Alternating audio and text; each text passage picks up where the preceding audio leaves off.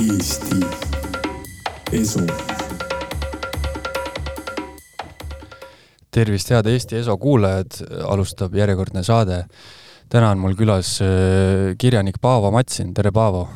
tere ja tänan kutsumast! Äh, äsja said äh, Tartu linna kirjanikuks, teada-tuntud on see, et sa oled ka suur Viljandi esindaja, kas nüüd siis Tartu mees? Nüüd nagu rohkem Tartu mees ja ega Viljandit pole kuhugi kaugele jäetud, aga, aga elan püsivalt praegu Tartus. staap on Tartus, ütleme niimoodi, kuigi nädalas korra käin ikka Viljandis ka.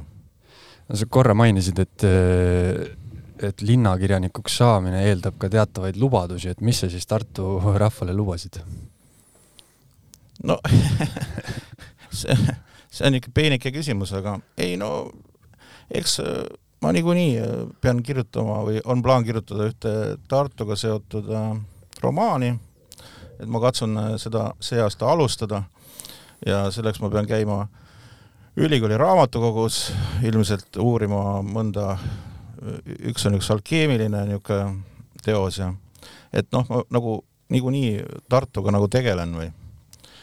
Et selles mõttes see oli nagu üks asi, et linnakirjanik peaks nagu kirjutama midagi ja kirjutama Tartust ja noh, teine asi on see, et ma olen nagu viimased kaks või kolm aastat päris palju Tartus mingeid üritustel kaasa löönud siis Tartu Kirjanduse Majas ja ja ka raamatupood Utoopias, et ma kõigile soovitan, kui satute Tartusse, siis käige ka raamatupoes Utoopia, mis asub Tartu Kirjanduse Majas, Vanemuise üheksateist, aga ta on niimoodi nagu kuskil tagaruumis ja siis on niisugune suur silt on ka ukse peal, et vaikuse ruum mis peletab kõik, kõik ostjad eemale, aga aga mis on väga hea pood ja, ja nende üritustel ma olen päris palju kaasa löönud, raamatuesitlustel ja nii edasi, nii et noh, ma olen sealt Tartu vahel ikka mitmed aastad juba noh, suhteliselt nagu ringi lehvinud.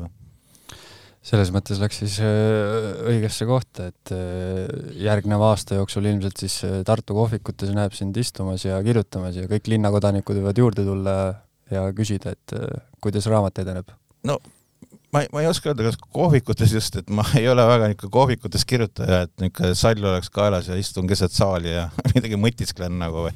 et ma niisugune üheksateistkümnenda, kahekümnenda sajandi alguse niisugune boheem päris ei ole, aga aga no pigem jah, eelistan nagu õllesaali ikka nagu mm, -hmm. ütleme nii, aga ma ei, noh, kirjutan ikka kodus üldiselt või kabinetis nagu jah, siit äh, saabki minna selle juurde, et see kirjutamisprotsess on äh, kirjanikel väga huvitav ja öeldakse, et noh, üsna üksik elu on see kirjutamine.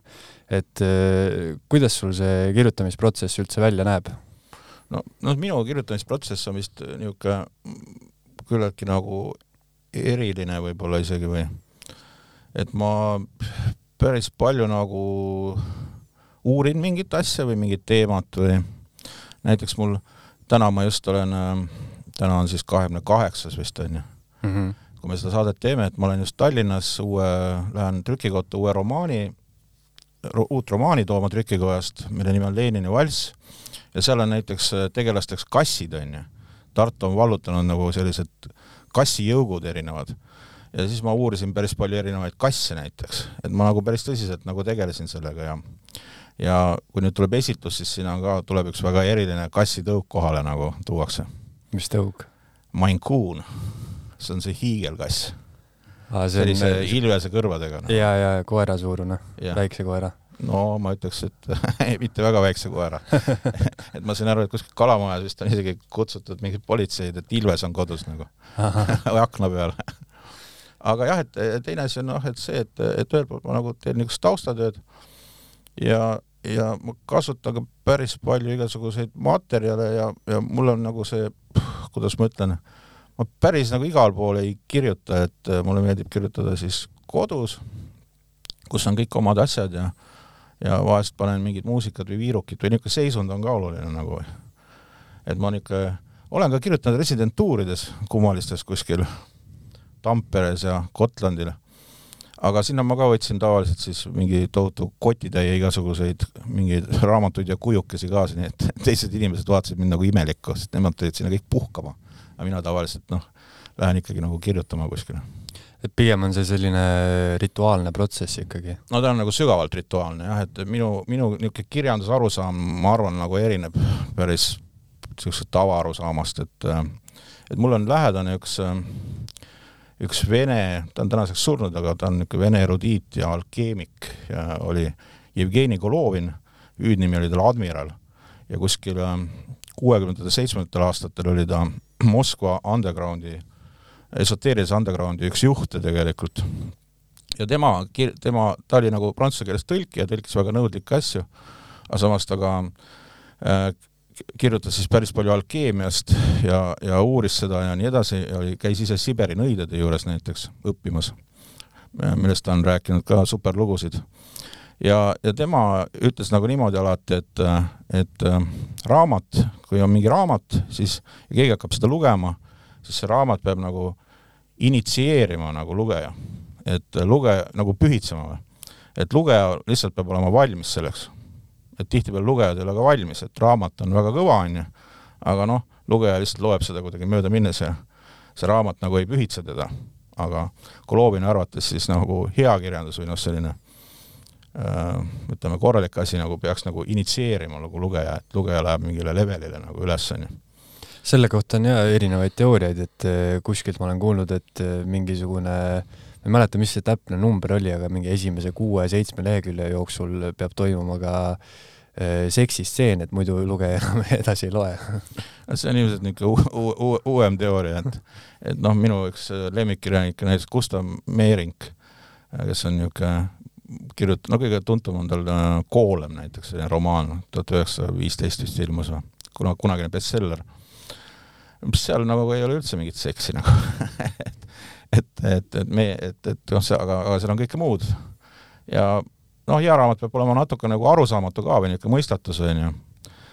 et see on ka nagu oluline, et asud nagu mingit mõistatust nagu natuke lahendama, et et ta ei tohi olla päris niisugune lineaarne, ma arvan, või et siis sa loed teda ühe korra, aga näiteks ma noh, seda Koolemit näiteks ma olen lugenud elus, ma arvan, mingi no mingi viiskümmend korda vist kindlasti ja, ja näiteks üks romaan on tal Volbri öö, mul on selline komme, et ma loen seda alati nagu Volbri ööl, vähemalt paar lehekülge. seal tegevus toimub ka Volbri ööl et, et noh, mul on natuke niisugune teistsugune suve, võib-olla see tuleb taustast ka, et ma olen nagu usuteadlane taustalt, on ju, mingil mm -hmm. kujul, on ju. et ma kuidagi nagu äh, olen käes hoidnud igasuguseid raamatuid, nagu ütleme näiteks ka nagu jumalateenistuse käsiraamatut ja agendat ja et ma olen näinud igasuguseid raamatuid ja no kas sa sellega oled nõus, et eh, kõikide raamatute isa ja kõik raamatud on põhimõtteliselt saanud alguse piiblist? no ei tea, see, ma, ma nii, nii võimast lauset ei oska öelda, aga et mu, nüüd on must juba see maailm nagu kaugemale jäänud, et ma lõpetasin kuskil vist kaks tuhat seitse Usuteaduse Instituudi Tallinnas. ja aga no, eh, no piibel on ikka kummaline raamat, tähendab, et et kui ma õppisin ka mingi seitse või kaheksa aastat instituudis, siis siis noh, midagi ma sellest piiblist nagu, ütleme no piiblit ma loomulikult lugesin läbi ja meil olid seal keeled ja värgid ja aga seal on ikka väga kummalisi tekstikohti tegelikult mulle tuleb meelde üks selline tekstikoht, kas see oli vist mingi Pauluse kirjas kellelegi, kus äh, algab asi niimoodi, et keegi ütleb kellelegi kui sa tuled, too mu mantel ära. Et, et seda on küll nagu väga raske arvata, et nagu jumal, et see on nii jumalik tekst, kogu see piibel, et eks ta on ikka nagu mingil kujul kokku kirjutatud, onju. no kuskilt ma kuulsin eh, head väidet piibli kohta, et see ei olegi ju eh, raamat kui selline, et see on raamatukogu, sest ta on, on ju hästi paljudest erinevatest asjadest kokku pandud. Noh, seal on jah, väga, väga, väga naljakaid ja kummalisi asju ja Johannese evangeeliumis on näiteks koht, kus öeldakse Äh, in-, inimeste kohta, et teie olete jumalad näiteks, on ju. tavaliselt eksegeesid või need seletajad lähevad sellest kuidagi nagu kribinal-krabinal mööda näiteks, on ju. et seal on nagu väga kummalisi asju. no äh, jumal peitub iga, igas inimeses, on ju jah, aga minust vaata kirikuõpetajat ei saanud, on ju, et mm, -hmm. et mul niisugust suurt, kui ma lõpetasin, siis suurt sõnumit Eesti rahvale nagu ei olnud, on ju. et ma hakkasin vaikselt nokitsema mingeid oma asju, on ju aga kui äh, räägime sellest kirjutamisprotsessist äh,, näiteks see sinu uus romaan on ju, Lenini valss äh,, kui kaua sa kirjutasid seda? no seda ma kirjutasin päris kaua tegelikult, et äh, ta vist on kõige pikemalt mul nagu kirjutatud, kuigi ta mahu poolest äh, ei ole nagu kõige, kõige jämedam teos.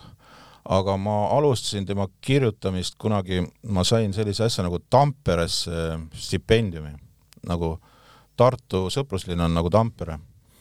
ja ma sain Tamperesse stipendiumi, olin kuu aega Tamperes ja ühes kummalises mingi puitmõis keset mingit parki, mis nägi päris spooky välja nagu. ja ma olin seal nagu, no alguses oli seal ka Silver Sepp ja, ja, ja üks näitleja, Mart Aas vist on ta nimi. ja väga tore seltskond, aga siis, siis edaspidi ma olin üksinda seal. ja see oli niisugune päris spooky koht seal, igasuguseid kummituslugusid mul tuleb üks meelde, et üks kummituslugu, mis selle mõisa kohta räägiti Tampere, no äärelinnas nagu oli siis selline, et äh, seal kummitab äh, ilma jalgadeta verine naine nagu, kes jookseb mööda parki nagu. et noh, kunagi ilma jalgadeta jaa, et keegi, keegi oli nagu jah, ära uputanud ennast seal kunagi. mingisugune teenijatüdruk pärast rasestumist. no kas sa nägid seda naist? No ei näinud, aga ma Tundsid. ütleme niimoodi, õhtuti ma vahest mõtlesin selle peale, kui tuba pimedaks läks nagu aga noh, seal ma hakkasin nagu kirjutama ja, ja, ja kirjutasin noh, nagu äh, mõtlesin, et teen sellise raamatu nagu, mis on nagu ähm,, et nagu Soome on keskne või. et ma polnud ammu Soomes käinud ja mõtlesin, et teen Gogoli diskole siis nagu järje, Gogoli disko tegevus toimub Viljandis onju. mõtlesin, et teen nagu järje, mis nagu kuidagi on seotud Soomega või. ja, ja hakkasin seal mingit äh, sellist soome, vene, eesti segakeelt tegema ja igasuguseid asju ja ja, ja kirjutasin päris suur osa seal nagu valmis, aga siis kuidagi, kui tulin ära sealt, äh, see Soome teema enam nagu absoluutselt nagu ei ei, ei kuidagi ei kõnetanud või?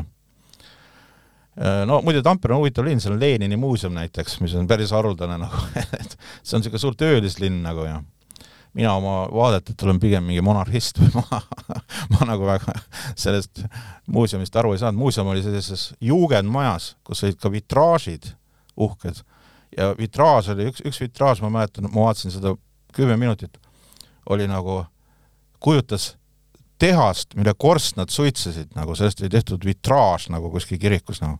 siis ma sain aru, et need Tampere töölised olid vist võrdlemisi rikkad nagu.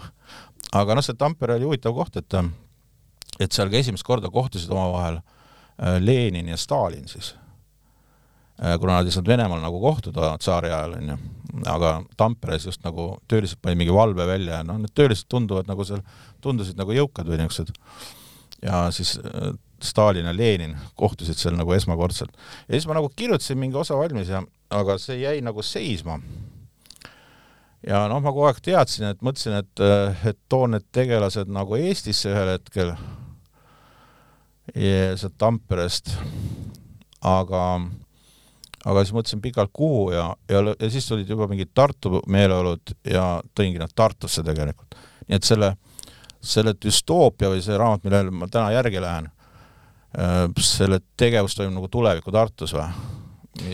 Aga kas sa, et sa jätsid, tekkis mingi paus, alustasid ja päris siis, pikk paus, jah. ja, ja, et kas sa siis eh, kirjutasid eh, nii-öelda ümber kõik selle, mis sa olid juba kirjutanud? ei, absoluutselt, ma, ma ei kirjuta üldiselt kunagi midagi ümber, et mm, -hmm. et ma nagu suhteliselt puhtalt kohe kirjutan nagu, et sellepärast see tempo võib olla mõnikord nagu aeglane. ei ole, ma ei ole niisugune väga kiire kirjutaja võib-olla. aga aga, aga ta jäi mul nagu seisma jah, ta jäi mul päris mitmeks aastaks seisma, et ma vahepeal kirjutasin sellise teose nagu Kongo tango, kus tegevus toimub hoopis Londonis, on ju, ja Euroopas nagu. ja mida ma tegin ka residentuuris ja kusjuures ma pean ütlema, Londoni lähistel olin nagu, no mingi, ma olin küll seal nagu vähem aega kui kuu. ja ma pean ütlema, et see oli ka päris spooky koht et seal ma nägin päris õiget inglise kummitust see oli üks niisugune maamõis. mis äh, kummitus endast kujutas? See oli Sharkville'i maamõis, see on üks kaheksakümmend kilomeetrit nagu Thamesi suudmes või? noh, Londonist saad nagu rongiga sinna alla, ma ei teagi, pool tunnikest või midagi niisugust. aga äh, ja niisugune tõesti vana maamõis mingist kolmeteistkümnendast sajandist või noh, seal on kõik nagu väga vana nagu. aga noh, see on Essex nagu, see Essex on nagu tuntud äh, nõidade poolest äh, ja, ja seal on ka kõige kuulsam Inglise Nõia küla näiteks on Essexis ja viimane nõiaprotsess oli seal minu, minu teada teise maailmasõja ajal, kui üks naine pandi vangi äh, nõidumise eest ja vahest seal on nõiad ka seal kandis kadunud, et rahvas võtab ma kinni ja viib äh, kuskile metsa mingitesse äh, noh, vanadesse nõidade hukkamispaikadesse lihtsalt kuidagi nagu nad kaovad. et rahvas nagu jälgib seal ka või noh, et seal usutakse tõesti nõidu. Et, äh, et minu, minul oli niisugune lugu, et oli üks niisugune õhtu, kus, kus äh, tulid sinna rääkima kaks äh, sellist äh, inglise kirjanikku, naist, kes kirjutavad nagu kummitustest raamatuid, saal oli nagu pilgeni täis kohalikku rahvast, muidu rahvas absoluutselt ei tundnud huvi ühegi kirjandusürituse vastu, aga selle peale läks kohe täis nagu. ja siis ma, no mina ööbisin seal majas ja, ja mõnikord ma kuulsin mingeid kummalisi asju, kuigi esimene korrus oli valve all, aga, aga eelviimane öö siis äh, ma, ma ärkasin väga suge-, sügavast unest ja ma pean ütlema, et ma olin ka natukene veini joonud ja isegi mitte natukene võib-olla.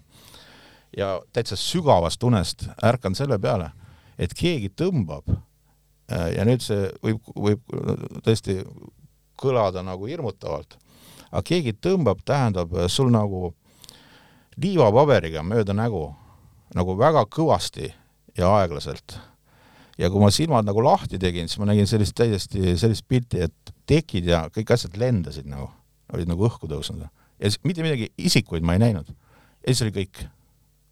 Aga sa ärkasid siis just no, nagu ärkasin, nagu valuaistingu peale või? Ehm, see on huvitav, et ei olnud nagu hirmuaistingut või mm, -hmm. et oli niisugune nagu ürginemise tunne, keda nagu rünnatakse või, või, või kuidagi nagu tead, nagu äh, karvad selja peal olid püsti või.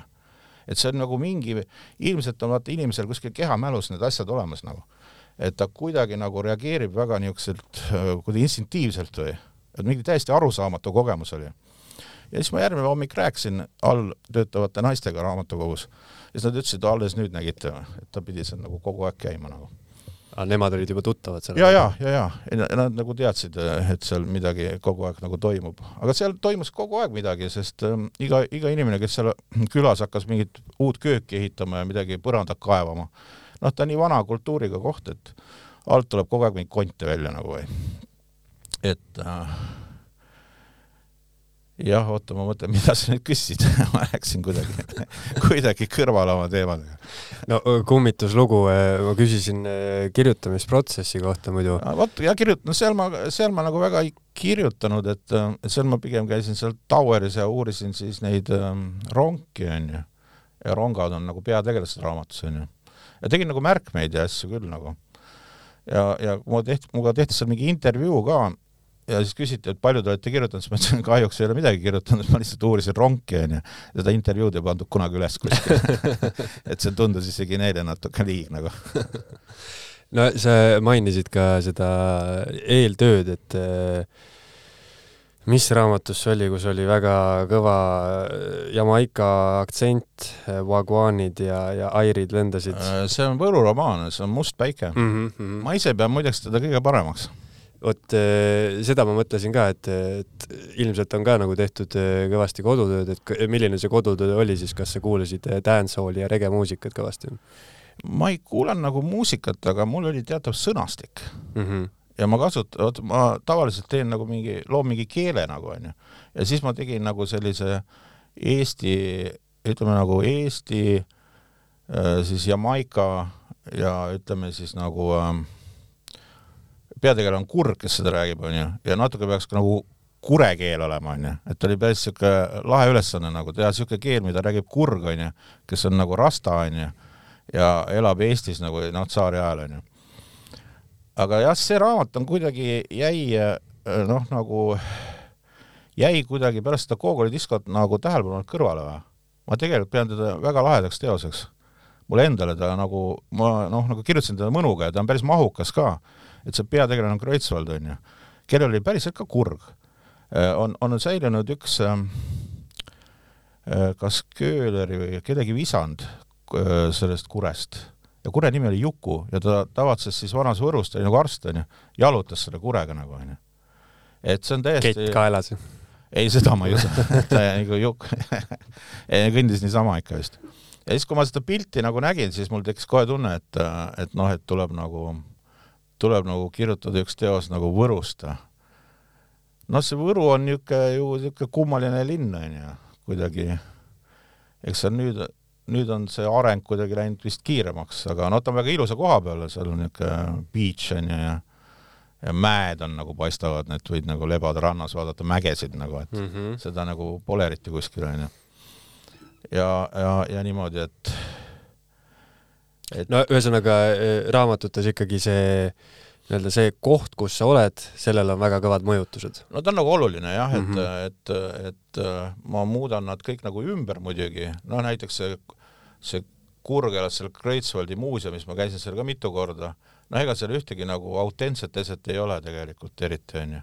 see kõik on niimoodi kokku pandud, onju.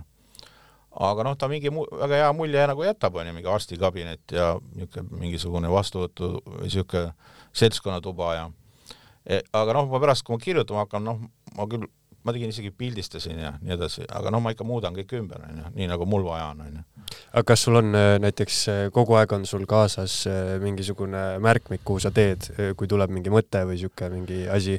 kusjuures mul tegelikult on küll märkmik jah, mul praegu näiteks seda kaasas ei ole, aga üldiselt mul on nagu kaasas jah, märkmik ja, ja see ei ole mitte selle jaoks, et kirjutada mingisuguseid tohutuid kõrgeid mõtteid üles, onju.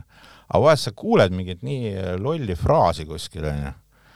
mulle, mul on noh, ma toon ühe näite lihtsalt, mulle kunagi rääkis kunstnik Mildeberg kuidas tema sõitis äh, Mähele bussiga ja, ja buss oli täis ja, ja kaks naist, kaks vanemat daami istusid nagu äh, pingi peal. Ja ta ei, muud ei kuulnud, aga ta kuulis, kuidas üks äh, daam ütles teisele mille, millegi peale, oh, mis sa nüüd, siis oli jälle, need daamid rääkisid natuke aega edasi, ta ei kuulnud ja siis seesama daam ütles jälle ära parem räägi.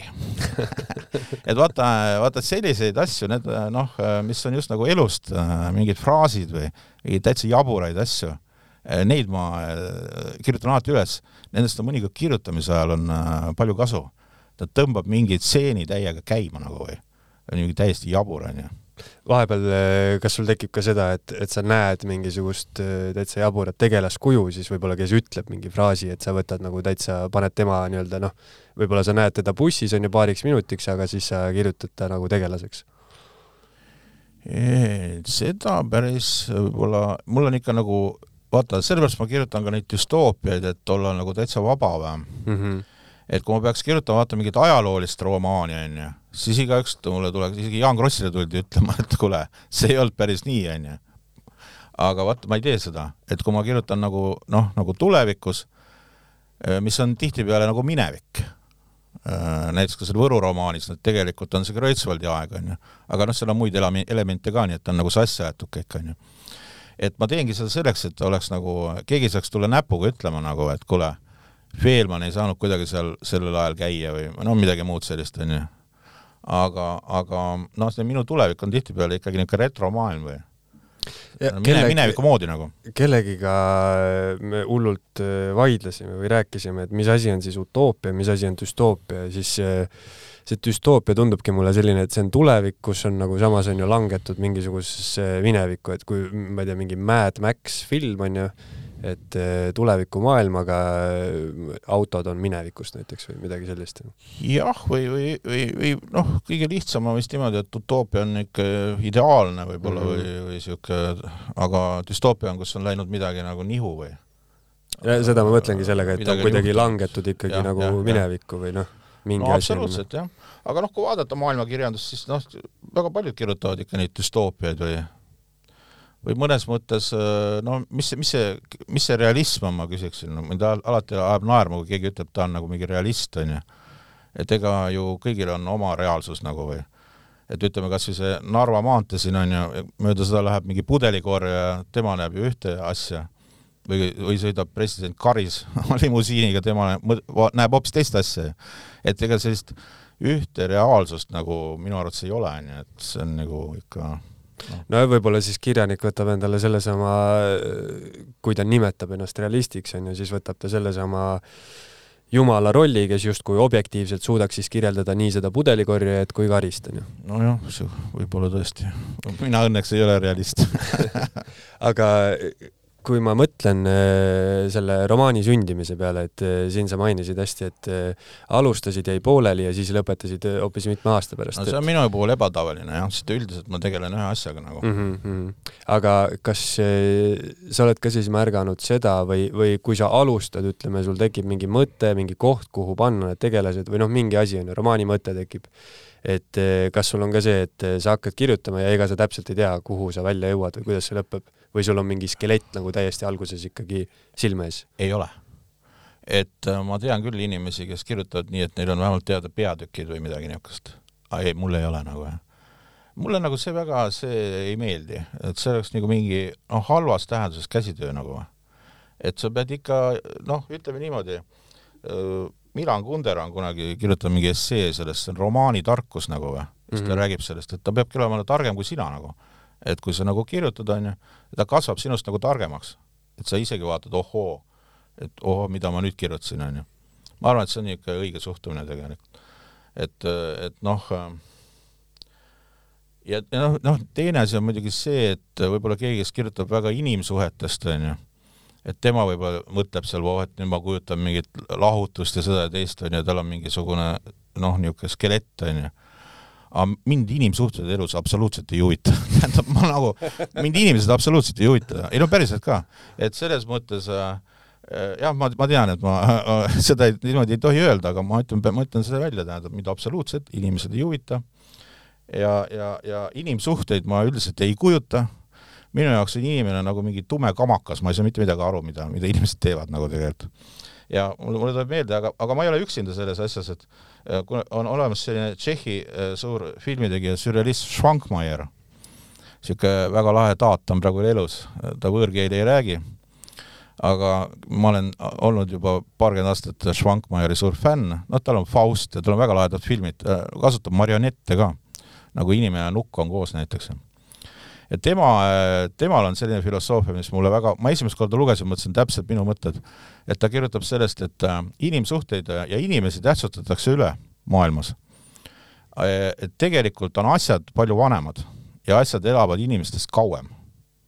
ja tegelikult on asjad palju olulisemad ja noh, näiteks ta ütleb ka, et kui ta teeb filmi, siis ta pigem teeb nendest asjadest, et ta toob mingi asja ja see, ja ta üritab nagu aktiviseerida, ütleme siis, seda laetust, mida inimesed on selle asja sisse nagu jätnud, on ju, või? Et ta, mingi kummaline tool või mingi mask, on ju, või? Et ta üritab nagu noh, ta ei näita seda kui niisama asja, on ju, aga nagu laetud asja või noh, et ta nagu on kuidagi, inimesed on äh, jätnud sinna nagu mingi, mingi laetuse nagu. aga, aga ta ütleb, et asjad on mõnes mõttes olulisemad kui inimesed nagu, või näiteks ka tema filmides ja see on mulle väga lähedane mõte nagu.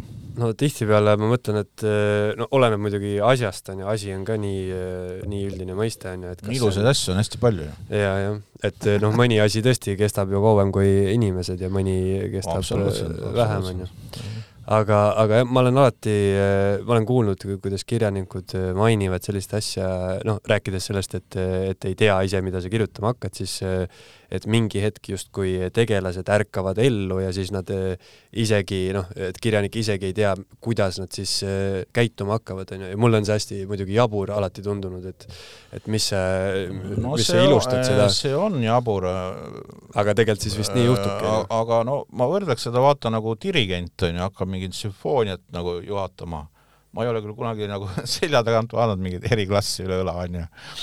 aga, aga tal põhimõtteliselt peaks olema partituur ja seal partituuri peal jooksevad nagu erinevad äh,, kuidas ma ütlen siis, nagu read, on ju.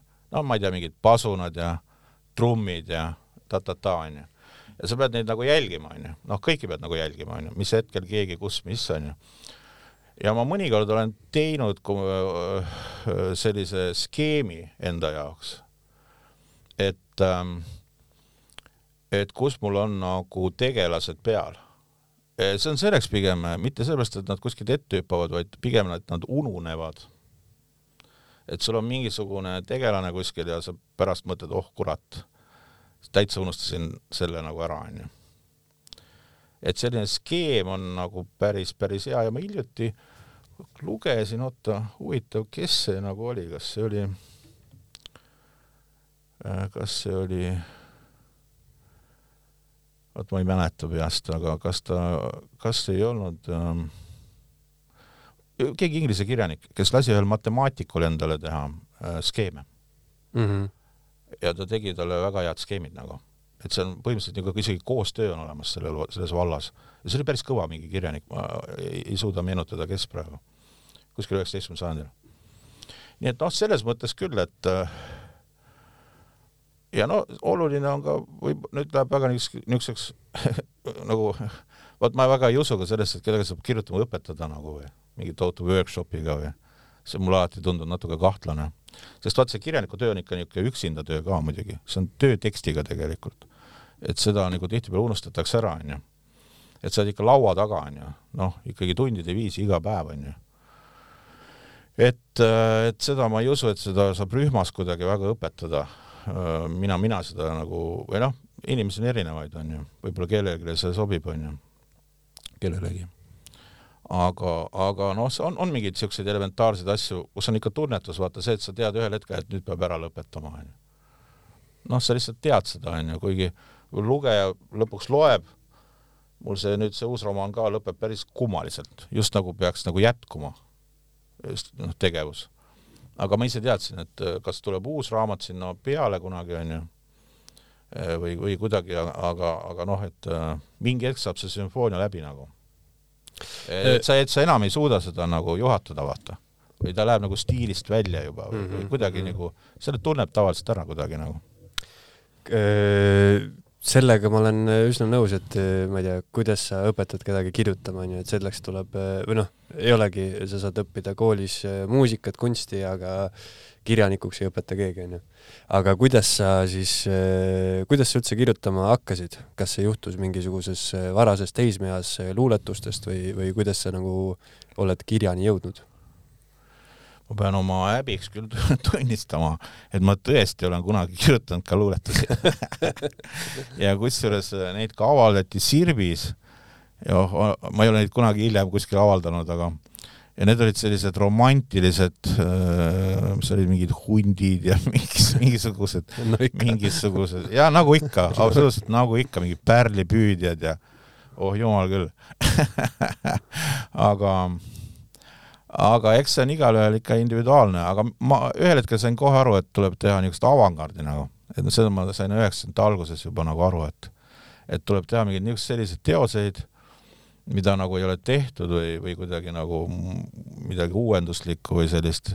ja siis mul oli üks rühmitus, neliteist NÜ, kus oli ka Mait Laats, kes on praegu, tegeleb animafilmidega.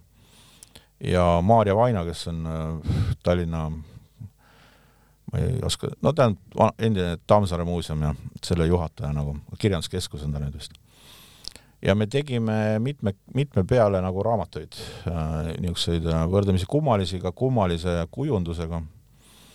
aga, aga ühel hetkel see nagu ammendas ennast ikkagi nagu, et kõik need piirid said nagu ära katsutud, äh, mingit tohutut narratiivi seal nagu ei sündinud, onju, ja ühel hetkel endal nagu läks see äh, nagu igavaks, no praegu tegeleb sellega mingi, mingil kujul võib-olla Kivan, onju, sellesama liiniga nagu, millega me tegelesime üheksakümnendate keskel et me umbes sellest ajast vist oleme ka Kivaga nagu suhelnud, on ju.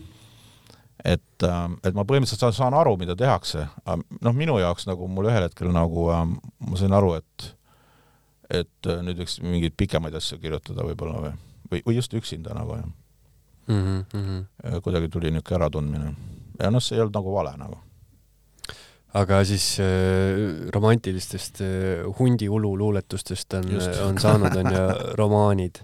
et äh, kuidas sa, kas romaan on äh, siis sinu lemmik nii-öelda vorm? no ta vist on jah, et, ähm, et vahest on mul tellitud mingit novelli või mm, -hmm. see on äh, minu jaoks nagu jah, ei, ma ei suuda käivitada seda nagu. vaata, kuna mind inim-, inimsuhted üldse ei huvita ja see novellid on ikka nagu inimsuhetest või kuidagi niimoodi onju midagi seal peab juhtuma kellegagi või keegi elab läbi midagi, onju siis noh äh, kulminatsioonid, asjad. ei no ma olen mõned novellid siin Vikerkaares avaldanud, onju, mõnede aastate jooksul, aga aga ma ei pea neid äh, noh, olulisteks nagu või nad on mingid kummalised katsetused pigem või. ja mulle sobib niisugune pikem jah, et ma lähen nagu sisse ja mm -hmm. ja, ja siis ma suudan mingi väga kummalise, mingi barokse maailma nagu püsti panna. Noh, ma loodan aga, aga lühikeses asjas ähm, ma nagu jah, ei, ei, ei, ei oska nagu, seda ma pean ütlema, ma ei oska seda teha. kuigi äh, mul paluti ühe korra ja ma kirjutasin äh, näidendi, ma ei olnud kunagi ka näidendit kirjutanud. ja alguses tundus see ka täiesti võimatu asi nagu. näidend ma... tundub veel rohkem inimsuhted. no absoluutselt, onju. aga no äh, mulle, mulle, siis ma nagu andsin selle mingi lavastaja kätte. Ja see lavastaja nagu, kaks lavastajat lugesid, ütlesid ei, et see on nagu ei, et nad, nad ei taha seda. aga siis ilmus üks lavastaja, kes ütles väga hea nagu Eh, kuigi ta ütles, et need, need tegelased ei arene absoluutselt nagu mm. -hmm. et nad on nagu noh, nii nagu nad on, onju. ja see oli selline näide nagu Viljandi boheemid nagu, kus on nagu sellised äh, barettidega mehed Viljandis portfellidega on tegelased, see il ilmus äh, äh, loomingus isegi. Ja, ja, ja teda pannakse, teda üritati ka eelmise suvi lavale panna. aga äh, nad panid pealkirjaks talle mingi asja, vist oli ähm, kuidagi seotud saatanaga, kas äh, kuradi pitspall või midagi sellist. noh, muutsid pealkirja ära, see on nagu täiesti okei okay,, ma arvan. ja, ja see üks näitlejatest kukkus äh, päev ennem esietendust, nii et see jäi ära. ja jah, et noh, niisugune Macbethi värk või mingi, mingi, mingi, mida, midagi sealt käivitas. neetud tekstid. no ta tuleb ilmselt kunagi hiljem jah, aga noh, tänapäeval ju tehakse näidendid vaata hästi ümber, onju. et, et see oli ikka niisugune vanakooli värk ikka nagu noh, mingid inimesed räägivad ja mitte, mitte see, et tuleme kokku ja igaüks räägib oma mingi traumast, onju, kurat, onju. Mhm. ma, ma sellist asju väga aru ei saa nagu ma ei viitsi ise ka vaadata niisuguseid asju enne sa mainisid, et äh, üldiselt äh, teed on ju ühte asja korraga, et kaua sul näiteks Gogoli disko kirjutamine aega võttis? kas see tuleb niimoodi põmm mingi kuu ajaga sa pritsid välja või, või see on ikka pikalt? Gogoli disko kirjutasin küllaltki kiiresti. see oli elus selline hästi nagu keeruline periood ja vahetasin mingeid elukohti ja mingeid asju seal ja, ja ja seal on mingid teatavad niisugused kaoselementi ja see ongi nagu oluline. et ta on kirjutatud, tema ei ole kirjutatud nüüd kuskil äh, laua taga kabinetis, kabinetis sellel hetkel, kabinet ütleme nii, et plahvatas enam-vähem, onju. seda ei olnud ühel hetkel nagu. et ta on kirjutatud erinevate köögilaudade taga kuskil ja niimoodi, aga aga ma ütlen veel kord, et peab ka olema niisugune kaose element või noh, võtame kas või mingi Meister Margarita, tegelikult noh, see, mis lugu seal nagu siis on, onju. seal ei ole ju mitte midagi, ta lõpeb imelikult, onju, täiesti arusaamatu. see meister on seal täitsa kõrvaline tegelane nagu onju, miks ta üldse pealkirjas nagu on, onju, või et äh, head asjad ongi nagu natuke arusaamatud, nagu Mona Lisa onju, noh, kõik, kui ta oleks nagu lihtsalt naerataks, kõik ütleksid, naeratav Mona Lisa, aga me ei saa aru, mis ta on, onju ja sellepärast ta nagu noh, on palju inter-, interpretatsioone, on ju, ja see on hea tegelikult, on ju, et et natuke peab niisugust hämu ja niisugust olema. Ja noh, see on muidugi huvitav, et noh, kogu diskot on tänaseks, ma just äh, lugesin nüüd kokku. Äh,, peaks olema kaksteist tõlget nagu mm, -hmm. et teda on ikka nagu metsikult tõlgitud ja, ja kohe tuleb poola keeles on ju ja viimane, mis ilmus, oli hispaania keeles on ju et äh, noh, kui ta ikka oleks nagu täiesti arusaamatu, siis äh, erinevates maades muidu, muidugi äh, loetakse erinevalt. näiteks Saksamaal oli ta, on suhteliselt populaarne või noh, nagu läks hästi, ühe aasta jooksul ilmus mingi no ma ei tea, kümme, kakskümmend artiklit, see on nagu väga palju üldiselt, öeldakse, et kui paar artiklit ilmub, siis on juba kõva sõna nagu. aga loeti kui nagu poliitilist romaani või? et sakslastel on vaat Vene teema nagu kuidagi südamelähedane. tegelevad nagu venelastega kogu aeg ja, ja no neile läks see raamat kuidagi peale või, ma saan aru, et see ka müüs päris hästi seal või müüb praegu nagu. et ähm, noh, ma käisin Berliin, Berliinis ka just, äh, mis ma käisin novembris või, äh, käisin esinemas ja ja, ja kuidagi, kuidagi see nagu toimib seal hästi nagu. mis äh, selle suure auhinna see Gogoli disko sai? no see on Euroopa Liidu auhind, jah Euroopa Liidu mingi kirjandusauhind. kirjandusauhind, jah mm. -hmm. kuidas noh, ega väga palju ju tegelikult siin Eestis niisuguseid kirjanikke ei ole, kes on äh, niimoodi kõvasti tõlgitud ja mingisugust äh, rahvusvahelist, on ju, kulda karda saanud, et, et kuidas see üldse nagu mõjutas sind või kuidas see mõjutas, ma ei tea, sinu äh, elamist, kirjutamist? noh, seal on nagu see lugu, et selle auhinnaga kaasneb nagu selline toetus, et juhul, kui mingi maa tahab teda tõlkida, on ju, siis nüüd tõlkija saab nagu taotleda toetust. see ei ole nagu kõige lihtsam protsess. noh, nagu need eurovärgid on, on ju. aga põhimõtteliselt on võimalik, on ju. tõlkimine siis põhimõtteliselt nagu äh, muudetakse ikkagi veidike kergemaks, eks jaa, no makstakse seal kinni midagi mm. ja niimoodi. Nad saavad nagu toetust, on ju aga, aga ma tean ka seda, mõned nendest tõlgetest on tehtud nii, et seda toetust ei ole küsitud, et see ei ole päris nii, et nüüd tänu sellele toetusele kõik oleks või. Et osad ei küsinud seda näiteks, on ju.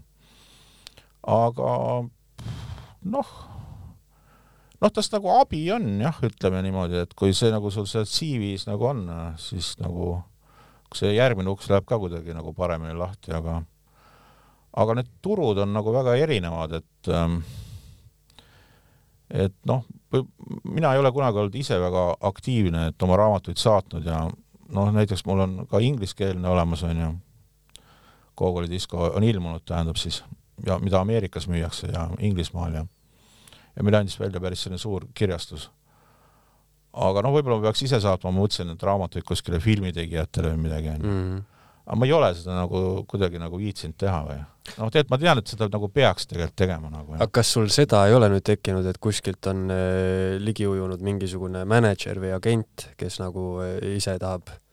Minul on kogu, vaata selle, selle poolest ma vist olen, ma ei, ma ei tea küll kõiki kirjanikke Eestis, aga mina olen selles mõttes täiesti haruldane juhtum, et mul on alates Gogoli diskost äh, ongi oma mänedžer mm. -hmm.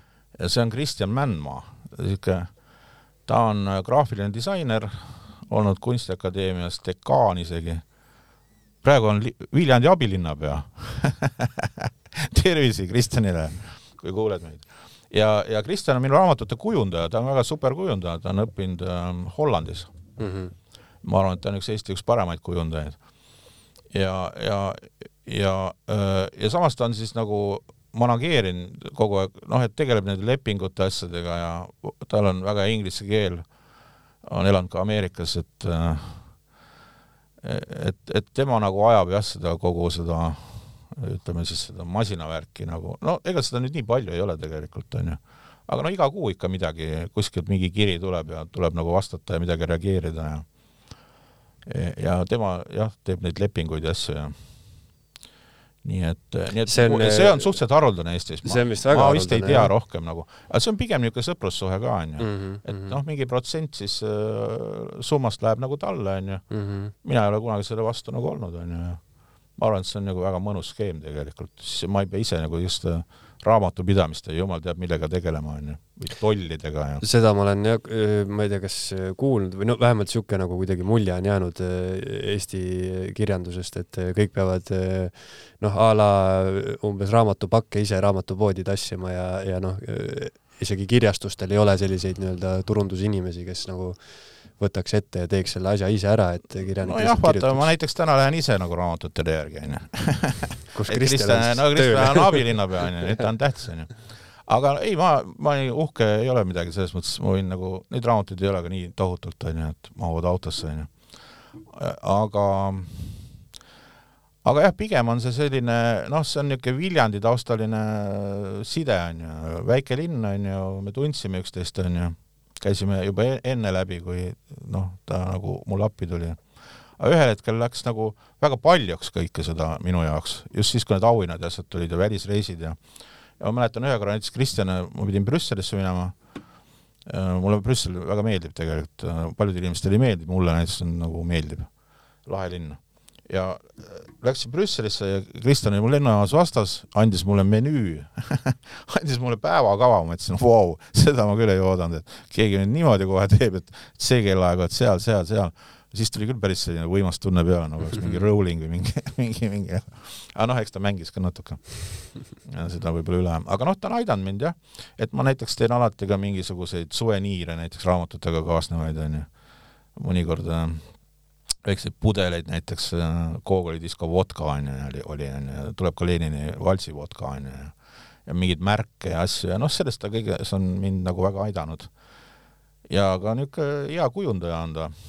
no ta on väga hea kujundaja, et, et põhimõtteliselt noh, saab aru, ma ei pea talle nagu väga seletama mm. -hmm. et äh, kuidas, kuidas, kuidas äh, noh, viimane, viimane nüüd see raamat peaks olema Neoon, nüüd tuleb näiteks, on ju. Noh, seda nagu arvutis neooni näha ei ole, on ju, neoon on nagu punane lihtsalt, on ju. Mhm. noh, neoon tekib nagu valgusega. aga ma täna lähengi väga huvi, huvitav, lähen trükikotta, siis esimest korda ka näen, mis seal on, on ju, et pidi olema neoon nagu, on ju. et noh, kuidagi tuleb nagu tähelepanu ka äratada. aga kui, kas äh, selles mõttes see, see auhind on nagu äh, muutnud ka siis edasiste raamatute äh, käekäiku, et äh, kas nüüd äh, on tõlgitud ka neid või, või tiraažid on suured? no Google'i diskot me müüsime omal ajal ikkagi nagu meie enda arvates nagu üllatavalt palju, et meil oli viis või kuus tiraaži, mis me kõik müüsime ära. et mul endal kodus ka kolm-neli tükki ainult. ja meil oli kõva kaanega ja siis oli selline see pehme kaanega pärast ja ja et noh, see on nagu erinev jah, et, et näiteks see Must päike, see Võru romaan nagu kuidagi sattus mingisse kummalisse nagu auku või mm, -hmm. et võib-olla ka liiga, liiga kiiresti pärast seda Google'i diskot kirjutatud või. et minu arust on väga lahe raamat nagu ja aga ma Võrus ei teinud esitlust ka, onju, noh, kuidagi tund-, vaatasin, oleks vist pidanud tegema nagu või, või no mõned asjad jäävad kuidagi objektiivsetel põhjustel nagu taustale. aga noh, ei ole midagi sellest et kaks tuhat üheksateist ma võitsin, noh, seda ma pean nagu ka oluliseks enda jaoks, võits-, võits-, võitsin selle Kirjanike Liidu romaani võistlusi nagu, Kongo tango. no aga see on täiesti anonüümne asi, vaata selles mõttes, et seal ju oled sa lihtsalt nagu äh, number või mm. -hmm. Need on ju äh,, seal ei ole ju nime peal, kui käsikirjad äh,, käsikirju loetakse. ja nad ei arvanud ära, ma seda, nad pärast rääkisid, nad ei arvanud ära, et see on minu kirjutatud et keegi oli vist öelnud isegi, et see on nagu rikka mehe Matsin, onju. et nagu kirjutab nagu Matsin, aga et tegevus toimub Euroopas, et oi-oi-oi, onju. et selles mõttes nagu äh, et ma seda pean nagu isegi olulisemaks ja no see on praeguseks tõlgitud inglise keelde, Kongo tango, aga me ei ole leidnud kirjastajat. et seda on ikkagi seal ingliskeelses maailmas küllalt keeruline leida nagu. oli üks, aga see nagu vajus ära ja mm. -hmm aga te tõlkisite sellepärast siis ära, et äh, alguses oli nagu olemas kirjastaja? Noh, see tõlkimine käib selle auhinna juurde nagu või, et, et see, et see makstakse nagu kinni tõlkijale, see ongi niimoodi, et et see on väga mõnus, on ju, et ta on praegu inglise keeles olemas, väga hea tõlge, Adam Kullen, tervise Adamile, et äh, Adam tõlkis ära, aga ei ole leidnud, noh, me ei ole nagu väga niimoodi tegelenud ka, vaata, oli see Covidi värk, on ju, ja mm -hmm. suured messid jäid nagu ära ja ja niimoodi, et äh, me ei ole nagu tohutult ka mingit piitsa andnud nagu selle asjaga. noh, tegelikult nagu peaks, on ju, ilmselt. no võiks jah, kui, kui mõelda nagu maailma tasandile, et äkki jõuab, on ju. ta on väga niisugune filmilik jah mm, -hmm. et seal on nagu Toweris põgenevad rongad. Toweris on äh, mingi hulk ronki ja, ja, ja on selline vana legend, et juhul, kui nad kaovad, siis äh, kuninga võim kukub ja, ja kõige naljakam oli see, et ma kirjutasin äh, raamatu nendest ronkadest, kuidas nad põgenevad siis nagu Towerist teataval põhjusel, ja, ja kahel rongal sünnib ka nagu, kuidas öelda siis, rongakutsikas, on ju nii, mingi poeg, on ju. ja kõige naljakam selle asja juures oli see, et ma kasutasin neid, äh, no osasid õigeid ronganimesid, mis seal rongad nagu ongi, seal on mingi kaheksa tükki või midagi niimoodi mm. -hmm ja neil on oma rongameister, kes neid seal hooldab, on ju. ja see on päriselt nii, ma Toweris käisin, vaatasin. rongameister? rongameister on jah, see on mingi vana sõjaväelane mm. ja siis tema nagu hooldab ainult ronki. paneb neile süüa, kõik niimoodi, õpetab neid natuke ja no nad on lihtsalt targad ja nad ei lahku sealt muideks. ja teised rongad ei tule ka Towerisse. et see on ka väga kummaline. no neid ei, neil ei ole nii, et midagi oleks lõigatud ära või mingi tiib või midagi, ei ole nagu, nad lihtsalt ei lähe nagu. see on nagu mingi ronkade kuninglik perekond või midagi taolist äh,? jaa, nad äh,, jaa, nad muideks, nad alluvadki otseselt äh, kuningannale äh,, kuningannale, jah mm, -hmm. ja ka, ja ka kuninganna veterinaar käib neid siis nagu kuidagi kontrollimas. aga mis ma tahtsin öelda seda, et mul raamatus saavad kaks ronka lapse ja, ja, ja sellest oli ka Ekspressi uudis muideks Hõbemägi tegi ka sellest ühe uudise, et, et äh, see läkski täide mingisugune aasta või pooleteise pärast. et rongad saidki lapse. et see oli küll nagu päris uskumatu prohvetlik juhtum nagu. et mul on ühe korra veel olnud sellist prohvetlikku asja. Ko-, Koog oli diskos, ma ennustasin, et tehakse Viljandisse äh, monument äh, nagu äh, ütleme, nagu rohelisele mehikesele või, või välismärkideta sõdurile mm. -hmm. ja, ja Venemaal hakatigi neid tegema, vaata, pärast äh, noh, Krimmi, mingi, mingi hetk, on ju. kaks tuhat neliteist oli Krimm, on ju, paari aasta pärast, just siis, kui Gogoli disko ka kogus nagu tuure, tuligi uudis ja oli nagu monument nagu välismärkideta sõjaväelasele kuskil avati, on ju et siis ma vaatasin küll, et oi-oi-oi et samamoodi nagu see rongapoeg onju. see on päris huvitav. see on, see on väga huvitav nagu, see nagu näitab, et, et mingid liinid on nagu õiged või, et oled mõelnud nagu pannud värvi juurde, groteski pedaali, aga nagu õiges suunas, et näed, läkski nii, onju. Mhm. et see on selline noh, nagu pigem nagu lahe onju, kuigi seda keegi ei märka võib-olla onju. no see on iseenesele võib-olla. iseenesele on, no e-, ega see kirjutamine ikka ongi nagu iseenesele ka, et ega ega siin ei ole mingeid tohutuid rahasid ja asju, onju, et ja see turg on ju väike, vaata, onju. No ilmselt eh, sina saad rääkida seda juttu hoopis teises positsioonis kui, ma ei tea, mingi sihuke keskmine Eesti kirjanik. noh, ma ei oska seda öelda, ega see võib-olla peaks vene keelde tõlkima, vene turg on suur, onju. aga see pidavat olema, et ei saa raha kätte nagu aga, aga noh, need lepingud on niisugused erinevad, vaata ei tohi nagu avaldada neid asju, onju, aga et eh, noh mõnelt poolt tuleb, mõnelt poolt ei tule, onju, aga, aga noh, mingit, mingeid tohutuid summasid küll ei ole, et inimesed kujutavad ette, et noh, oled nagu mingisugune rolling onju see on mingi täielik mõttetu, mõttetu teema nagu tegelikult. aga mida, mida sa teed, et hästi kirjutada, kas ma ei tea, loed hästi palju raamatuid näiteks? ei. ei loe? no ma midagi loen, tähendab, aga, aga ma ei ole nagu niisugune tohutu äh, tohutu raamatute lugeja või ma loen mingeid väga kummalisi asju, ütleme niimoodi. Vahe, vahepeal mul oli selline põhimõte, et ma ei loe ühtegi raamatut, mis on eesti keelde tõlgitud mm. -hmm. et ma loen ainult nagu no vaata, minu, minu arust selles ongi asi, et et, et see, et need, mulle tundub ka, et Eesti kirjanikud võib-olla loevad liiga palju ühtesid samu raamatuid. selles ongi kogu nojah, kui sa liiga palju loed, on ju, siis see hakkab võib-olla sind mõjutama, et sa kirjut-, hakkad enam-vähem samamoodi kirjutama või? jah, ja mõjutused on nagu ühesugused siis, on ju mm. -hmm. aga pigem noh, ma ütlen, loed mingitest ronkadest, on ju. see on nagu palju kasulikum kuidagi ja teistsugune info, vaata, mida siin ruumis nagu ei liigu või see on nagu lahe, on ju aga ei no ma ikka, kui mingid sõbrad, kirjanikud midagi kirjutavad, ikka, ikka loen, on ju kui nad mulle saadavad või kingivad ja, ja ma kriitikat kirjutan. noh, näiteks suvel lugesin ühe Soome kirjaniku Karilande nimi vist, Väike haugipüük on niisugune raamat, mis on täiesti nagu niisugune fake pealkiri, ma ütleks nagu. tegelikult on väga lahe teos, ma ütleks, eelmine aasta kõige lahedam teos, mis ma lugesin, oli Soome kirjaniku oma tegelikult.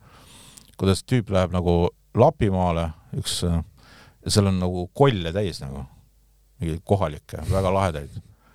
ja siis mingi politseinik tuleb kuskilt Lõuna-Soomest, sat-, tema jälil, on ju. ja see puutub ka nende kollidega kokku, on ju. see on väga lahe raamat, nagu eesti keeles niisugust raamatut nagu ma ei oskagi nagu öelda, on ju. aa, sa lugesid soome keeles siis, jah? ei, ma lugesin eesti keeles, pidin arvustama, vahest arvustan midagi. väga lahe raamat oli, väga lahe raamat oli, nii et no võib-olla peab rohkem lugema, jah kui palju sa iseenda teoste arvustusi ja asju loed? no tead, mina seda ei usu, et keegi ei loe nagu. Et see on, tead keegi nagu ütleb, mind ei huvita või tead, ma ei usu seda juttu absoluutselt. ma usuks seda siis, kui neid, ma usuks seda siis, kui neid arvustusi oleks võib-olla tõesti sadu ja sadu, et siis sa lihtsalt ja, ei viitsi enam, aga jah, ei, ma, ei, ma, ma nagu ei hakka valetama, loomulikult loen. Noh, igasuguseid arvustusi on kirjutatud vaata, mõnikord on nagu inimesel see arvustus ilmselt peas ennem valmis, kui ta kirjutama hakkab arvustust, on ju, et see on nagu halb, on ju. ühe korra kunagi keegi kirjutas mulle niisugune raamat nagu Sinine kaardivägi, mille tegevus toimub nagu Riias.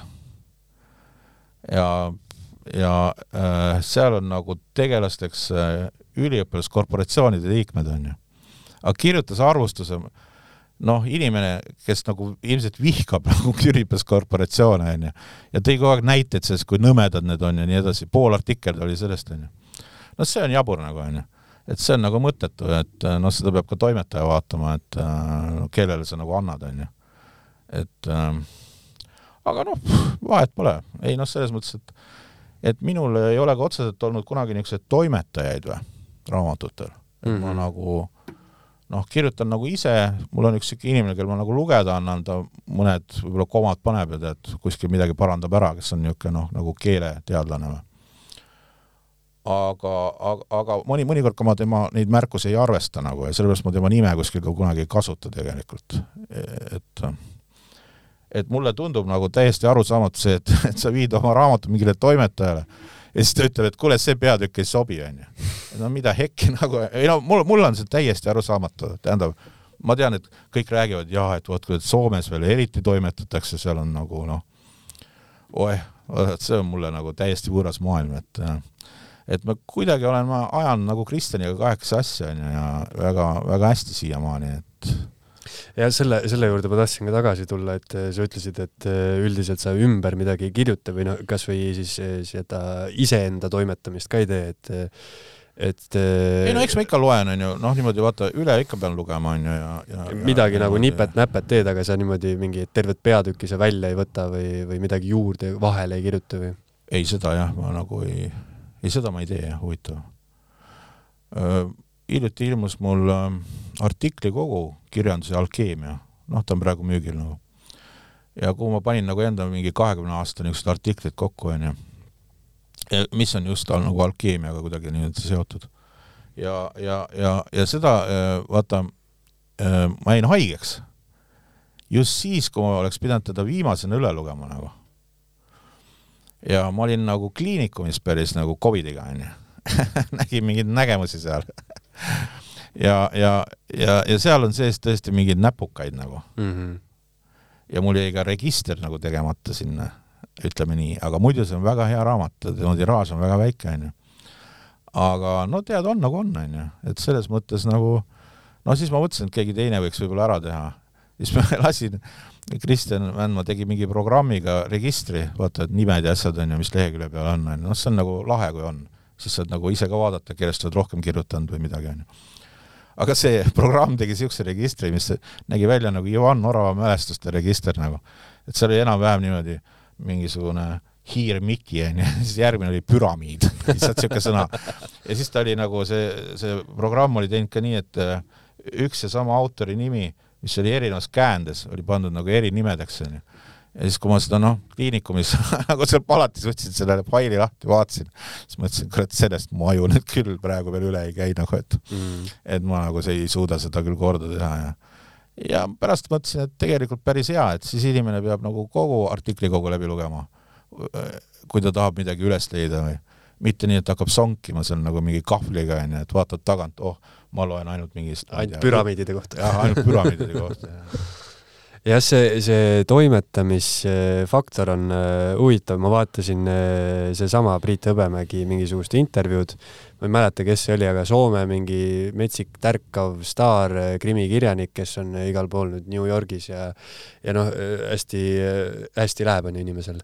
ja siis ta rääkis, see Soome kirjanik siis, niisugune nooremapoolne mees rääkis ka, et, et kuidas talle, et Soomes hakkas nagu hästi minema, aga siis eh, selline kas mänedžer või toimetaja või kes iganes eh, soo-, andis talle mingisuguseid soovitusi, et näiteks pane peategelaseks naine või, või kirjuta, ma ei tea, las tegevus toimub no, see öösel. päris jabur nagu. see tundub mulle ka täiesti, et noh, mulle see krimi jama kõik metsikult muidu meeldib, onju, aga siis ma vaatasin, et kui nagu kuidagi tehislikult võib-olla sihuke väga hea krimi autor sellele lähenes või noh, vähemalt see konkreetne näide onju. et noh, väga imelik tundub, et äh, keegi tuleb ja ütleb sulle, et kuule, et kirjuta nüüd peategelane on naine, tema nimi võiks see olla ja juuksed oleks tal blondid. ei noh, siis tulebki vaata, vaata siis tulebki siuke toode nagu või mm. -hmm. et ega ju, kui sa raamatupoodi lähed, see on täis tooteid nagu ju no,, mida on jube lihtne mingisse žanrisse panna, onju, nad on täpselt seal mingi chick-lit või mingisugune kuradi, mis, mis need on, need onju. Ehm, et, et ta on nagu toode jah on ju, noh, minu, minu raamatud, ma arvan, isegi on küllaltki keeruline öelda, mis žanris nad on, ma kunagi ütlesin, et on lihtsalt matsin nagu väikse tähega, on ju. Mhm. et äh, või noh, kui sa mõtled ka niisuguste tõeliste ikkagi suurte teoste peale, no ütleme nagu Meister ja Margarita näiteks Bulgakovil, no mis kuradi žanr see nüüd on, on ju. et ta no nagu, on ju. et, et ma arvan, et tulebki nagu tikutopsist ikka nagu välja minna. No mina tõesti ei ole jah, toimetajat kasutanud ja, ja, ja, ja ma olen alati ka mõelnud hämmastusega, kui mingi noor autor, noh, nüüd mingi toimetaja toimetab teda tohutult, onju. noh, see on nagu teise inimese mõtted, ma ütleks, või? see võib tunduda kõik toimetajate niisugune primitiivne jutt, onju. aga no mina tõesti arvan nii, et miks, miks keegi ütleb, et võta see peatükk välja, no mida hekki nagu mitte midagi ma ei võta nagu, milleks nagu. no selline sisuline toimetamine on kuidagi hästi, see on jah, põhimõtteliselt ju teise inimese loomingusse sekkumine otseselt on ju. no absoluutselt jah, absoluutselt. et niisugune keeleline toimetamine, see, see on minu jaoks väga tervitatav, sest no, ma olen niisugune keelefriik no, nagu, et. et see on nagu arusaadav jah, on ju, et juhul kui ise ei oska, siis noh, lased oma komad ära panna, on ju mhm. aga, aga noh, nii ta nagu on jah, et mina ei ole nagu kasutanud ja noh, kuna mul on see alkeemia teema nagu olnud alati või noh, ma tegelikult juba instituudis, kui õppisin, vaata kirikuõpetajaks, et siis ma sain ühel hetkel aru, et, et, et ilmselt must kirikuõpetajat päris ei tule ja ma tegingi nagu võrdlevast usundiloost, tegin nagu alkeemiast nagu lõputöö, Jungi alkeemiast. ja, ja see noh, eesti keelde pole eriti mingit alkeemiasse nagu tõlgitud, on ju, kogu see sõnavara on noh, nagu lahtine või niisugune, võid nagu teha ise mingeid sõnu alla ja ma vahest olen neid teinud ka, on ju, ja vahest on ka mõni niisugune ajalehetoimetaja neid nagu kippunud väga parandama, on ju. et noh, no ma ei ole kunagi jaurama nagu hakanud, vaata, toimetajaga pole mõtet jaurata, on ju, et avaldad ära, ma, nagu ei arva, et kõik asjad on nagu tohutu igavesed, mida sa avaldad, on ju, et et kui sa midagi ajalehes avaldad, siis noh, see tuleb ja läheb nagu, on ju et selles mõttes nagu okei okay, nagu, las ta siis parandab mm. -hmm. no Bulgakovit oled siin mitu korda maininud, et võib-olla ütled mõne, mõne niisuguse hea teose, mis on, mis on nagu meelde jäänud ikkagi eluks ajaks või mida sa oled mitu korda lugenud no,? ühe sa juba ütlesid, Kool. no, no näiteks Valge kaardivägi või mm? -hmm. mulle väga meeldib nagu, ta oli Stalinil ka lemmik ju, Stalin käis vist mingi kolmkümmend korda teatris vaatamas Valget kaardiväge nagu. see on nagu lihtsalt kui äh, ala, noh, kui elus on nagu raske hetk, siis ma ütleks, et lugege Valget kaardiväge, seal on nagu mingi maja, kus on mingid inimesed, juhul kui nad lähevad tänavale Kiievis, on ju, võib, võivad kohe saabliga vastu pead saada nagu, et võimud vahetuvad kogu aeg, on ju. et siis saad aru, et enda elu ei olegi nii hull võib-olla, päris saabliga ikka keegi ei tule nagu kohe lööma et seda ma olen ikka lugenud vahest, kui niisugune, niisugune keerulisem hetk olnud elus või. ja mäletan kunagi äh, Viljandis oli päris keeruline lugu, ma panin äh,, mul mul oli selline, panin katusekive, tähendab, või ostsin ja lasin panna enda vanale majale ja siis seal olid mingid keerulised lood, katusekivid kadusid vahepeal ära mingi, mingi jamps oli, tähendab. see, kes pidi, üks pidi panema kuidagi, pani, pani, pani neid kuidagi kõrvale, ma tulen kohale, vaatan, kurat, katusekive pole jälle, onju. aga nad olid küllalt väärtuslikud ja vanad, onju. Mhm. ja siis see hommik ma äh, lugesin äh, Šveiki nagu. ma teadsin, et läheb, täna läheb suureks jamaks nagu. ja ma läksin järve äärde ja ma olin Šveik, ma lugesin seda, naersin seal, onju ja siis läksin tagasi ja hakkasin sõimama et noh, selles mõttes äh, mingid raamatud on kindlasti teraapilised, on ju. Nad nagu mõjuvad teraapiliselt, on ju. et ähm, vot nüüd ma ütlesin kolm korda on ju, parasiitsõnad aga, aga jah, mõned asjad on nagu teraapilised, noh, Bulgakov niikuinii on, äh, lööb nagu mingid registrid segamini. aga noh, Meerink on mul olnud nagu hästi oluline autor ta on kirjutanud Koolemi, aga ka Volbröö on väga lahe raamat ja kõik on tal roheline nägu ähm,, valge dominiiklane, niisugused müstilised äh, kahekümnenda sajandi alguse romaanid, esimese poole romaanid Saksamaal, väga lahedad nagu. kes sulle Eesti kirjanikest meeldib? no ikkagi meeldib mulle päris, päris mitmeid, Mait Vaik näiteks meeldib, kuigi ma, Mait Vaik on pigem realist muideks kuigi noh, ta on vahest ka maagiline realism. aga, aga ta kirjutab väga hästi, vaata, ta on ka vana laulusõnade kirjutaja tohutu ja tal on aparaat väga hea, et ta nagu märkab mingeid detaile ja ja tal on mingid rütmid ja asjad ja väga-väga hea kirjanik minu, minu, minu arvates nagu. et ähm, ei noh, ikka, ikka, ikka meeldib mulle vahest lugeda midagi Tammsaare meeldib sulle? ma olen töötanud Tammsaare muuseumis äh, poolteist aastat, nii et mulle pole mõtet hakata Tammsaarega hüppama et, et äh, ma alati küsin selle peale, kui keegi hakkab mingit Tammsaarest jaurama, et äh, mina, kui läksin tööle, küsisin, mis mu tööülesanne on, siis Tammsaare muuseumi direktor, tollane Helem Treier, tegi käega viipe ja ütles, Tammsaare kogutud teosed ootavad teid, noormees. et selles mõttes ma lugesin kõik läbi ja ma võin alati vastu küsida, kas keegi on lugenud näiteks teost Pöialpoiss, mis on nagu õudusjutud, onju. õudusjutt, Tammsaare on kirjutanud ka õudusjutte mm.. Et ähm, tavaliselt seda, sinnani pole keegi jõudnud nagu aga palk maksti muideks mulle ka äh, Tammsaartes esimene palk anti nagu Tammsaartes. kroonides siis jah? jah mm.. Äh, kahekümne viiesel oli Tammsaare või? nagu mälu järgi ütleks jah. vist oli roheline. roheline jah. ja, ja, ja no öö, alkeemia on siis öö, kullakunst, ütleme, et öö, mis, mis plaan sul nagu sihuke, kas sul on mingisugune sihuke suurem plaan ka mingisugust, ma ei tea, kas enda teostega mingisugune märk jätta või, või midagi öelda või, või mingisugune veel mingi metsik suur romaan kirjutada või? no ikka on, ega ma nüüd kirjutamist pole nagu ära jätnud või. ja, ja teine asi on see, et E-, enamikus mu teostes on mingi alkeemiline motiiv sees tegelikult. Nad võivad olla nagu võrdlemisi peidetud seal ju. Aga, aga näiteks Kongo tangos on ta nagu päris otse nagu räägitakse asjadest. et mind on jah huvitanud see, ma olen nagu, kui mul oli küm-, kümmekond aastat Viljandi lähedal talu, siis mul oli aias, oli seal, kasvatasin kortslehte, alkemillat nagu, millest tehakse tinktuuri ja kõiki asju ja ma proovisin neid teha ja et mul on mingisugune praktiline kogemus sellest olemas. aga põhiliselt mind on huvitanud niisugune alkeemia just nagu ähm, noh, meieni jõuab ta ju läbi tekstide, neid tekste kirjutavad nii-öelda nagu alkeemikud, kirjanikud sisuliselt, on ju. et just niisugune kahekümnenda sajandi asi nagu Fulcanelli ja Cancellier, kaks sellist prantslast. Ja, ja need on nagu esseed, on ju, nagu sellistel teemadel nagu, nad on nagu väga lahedad, eesti keelde küll neid ei ole tõlgitud. Aga noh, näiteks viimati ma just aitasin esitada Tartus ka Tõnis Vindi uut artiklikogumikku, mille andis välja Paranoia. ja kirjastus. ja noh, Tõnis Vint ütles enda kohta juba nõukogude ajal, et ta on alkeemik nagu tegelikult, ta oli ilmselt ka ainus inimene, kes seda nagu ütles, kelle, kelle suust ma olen seda ka kuulnud ise nagu. et, äh, et see alkeemia kultuuriloos, kirjanduses on mind kogu aeg nagu huvitanud ja noh, Tartus on ka võimalik minna ülikooli raamatukokku, seal on ka mõningaid huvitavaid teoseid. käisin seal üks kakskümmend aastat tagasi, siis nagu vaatasin mingid asjad üle.